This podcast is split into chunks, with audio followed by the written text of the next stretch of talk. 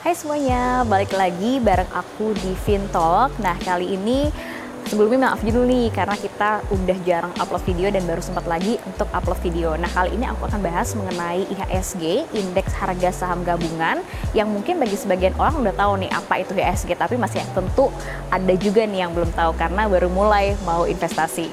Apa sih IHSG?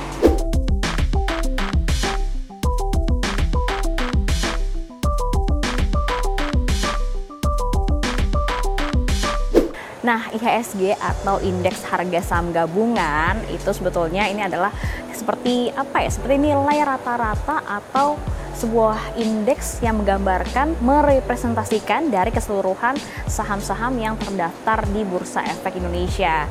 Jadi simpelnya IHSG itu adalah nilai akumulasi dari keseluruhan saham ataupun emiten yang terdaftar di Bursa Efek.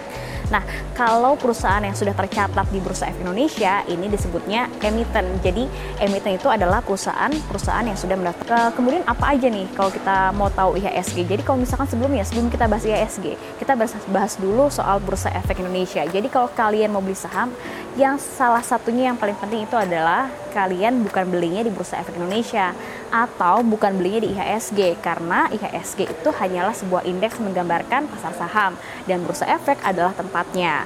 Istilahnya kalau kita membeli saham, Bursa Efek Indonesia itu adalah mallnya dan saham itu adalah produk yang ingin kita beli di beragam ataupun berbagai toko-toko yang disebut sebagai sebuah perusahaan. Nah, selanjutnya, apa fungsi dari IHSG? Yang pertama, sebagai penanda arah pasar. Kenapa penanda arah pasar?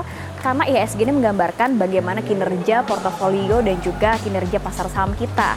Jadi kalau misalkan IHSG merah itu berarti banyak sekali saham-saham yang nilainya turun karena adanya aksi jual ataupun banyak investor yang melepas kepemilikan sahamnya sehingga IHSG harus jatuh ke zona merah. Nah, kalau IHSG hijau berarti kondisi pasar saham kita sedang baik nih karena banyak investor yang berminat untuk membeli saham di uh, pasar saham domestik kita. Sehingga karena banyaknya maka IHSG dapat bertengger di zona hijau. Jadi istilahnya kalau dalam indeks harga saham gabungan, kalau merah itu berarti dia terkoreksi atau melemah atau turun. Nah, kalau hijau itu berarti dia terapresiasi atau naik atau mengalami penguatan. Jadi, kalau misalkan IHSG sedang merah, berarti pasar saham kita sedang buruk, istilahnya sedang turun karena diterpa beragam kondisi ekonomi dari global maupun juga dari domestik. Dan sedangkan jika IHSG sedang hijau, maka IHSG sedang atau pasar saham kita sedang berada dalam kondisi yang baik dan juga ramai oleh para investor yang melakukan aksi beli.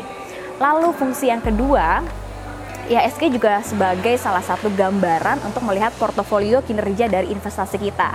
Kenapa? Karena kalau misalkan kita melihat IHSG dari tahun 2008 misalnya, tahun 2008 IHSG masih berada di angka 1.800-an, sedangkan di tahun 2013 sudah di angka 4.400-an, yang artinya dari tahun 2008 ke tahun 2013 ini ada peningkatan karena nilainya naik.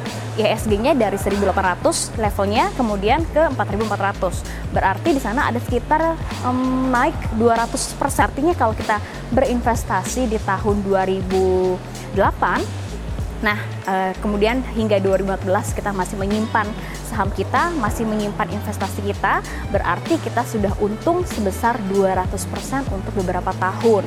Nah, jadi kalau IHSG nilainya semakin naik, tentu ini juga menjadi sebuah peluang ataupun sebuah sentimen yang cukup positif bagi kita karena tentunya berarti saham-saham di sana banyak yang mengalami kenaikan sehingga kita juga bisa mendapatkan untung atau istilahnya cuan.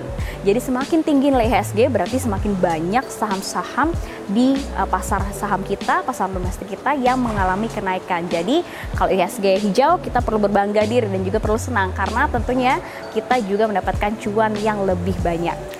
Nah, jadi udah tahu kan IHSG itu apa? Jadi IHSG itu secara garis besar adalah gambaran merepresentasikan dari total nilai saham, total perusahaan tercatat yang sudah terdaftar di Bursa Efek. Jadi semakin naik nilainya semakin baik bagi pasar saham ataupun untuk portofolio investasi kita.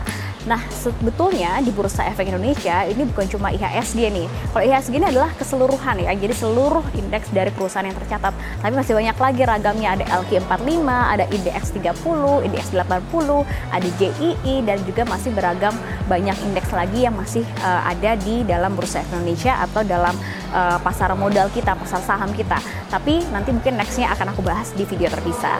Nah, buat kalian yang sudah uh, nonton Fintalk nih selama ini, jangan lupa ya buat kalian terus update lagi video-video kita dan juga untuk makasih uh, masukan buat kita nih. Jadi kalau kita ada salah-salah atau misalkan kalian punya ide apa sih yang ingin dibahas, kalian bisa taruh di kolom komentar di bawah. Dan jangan lupa selalu tonton Fintalk di episode-episode selanjutnya. See you!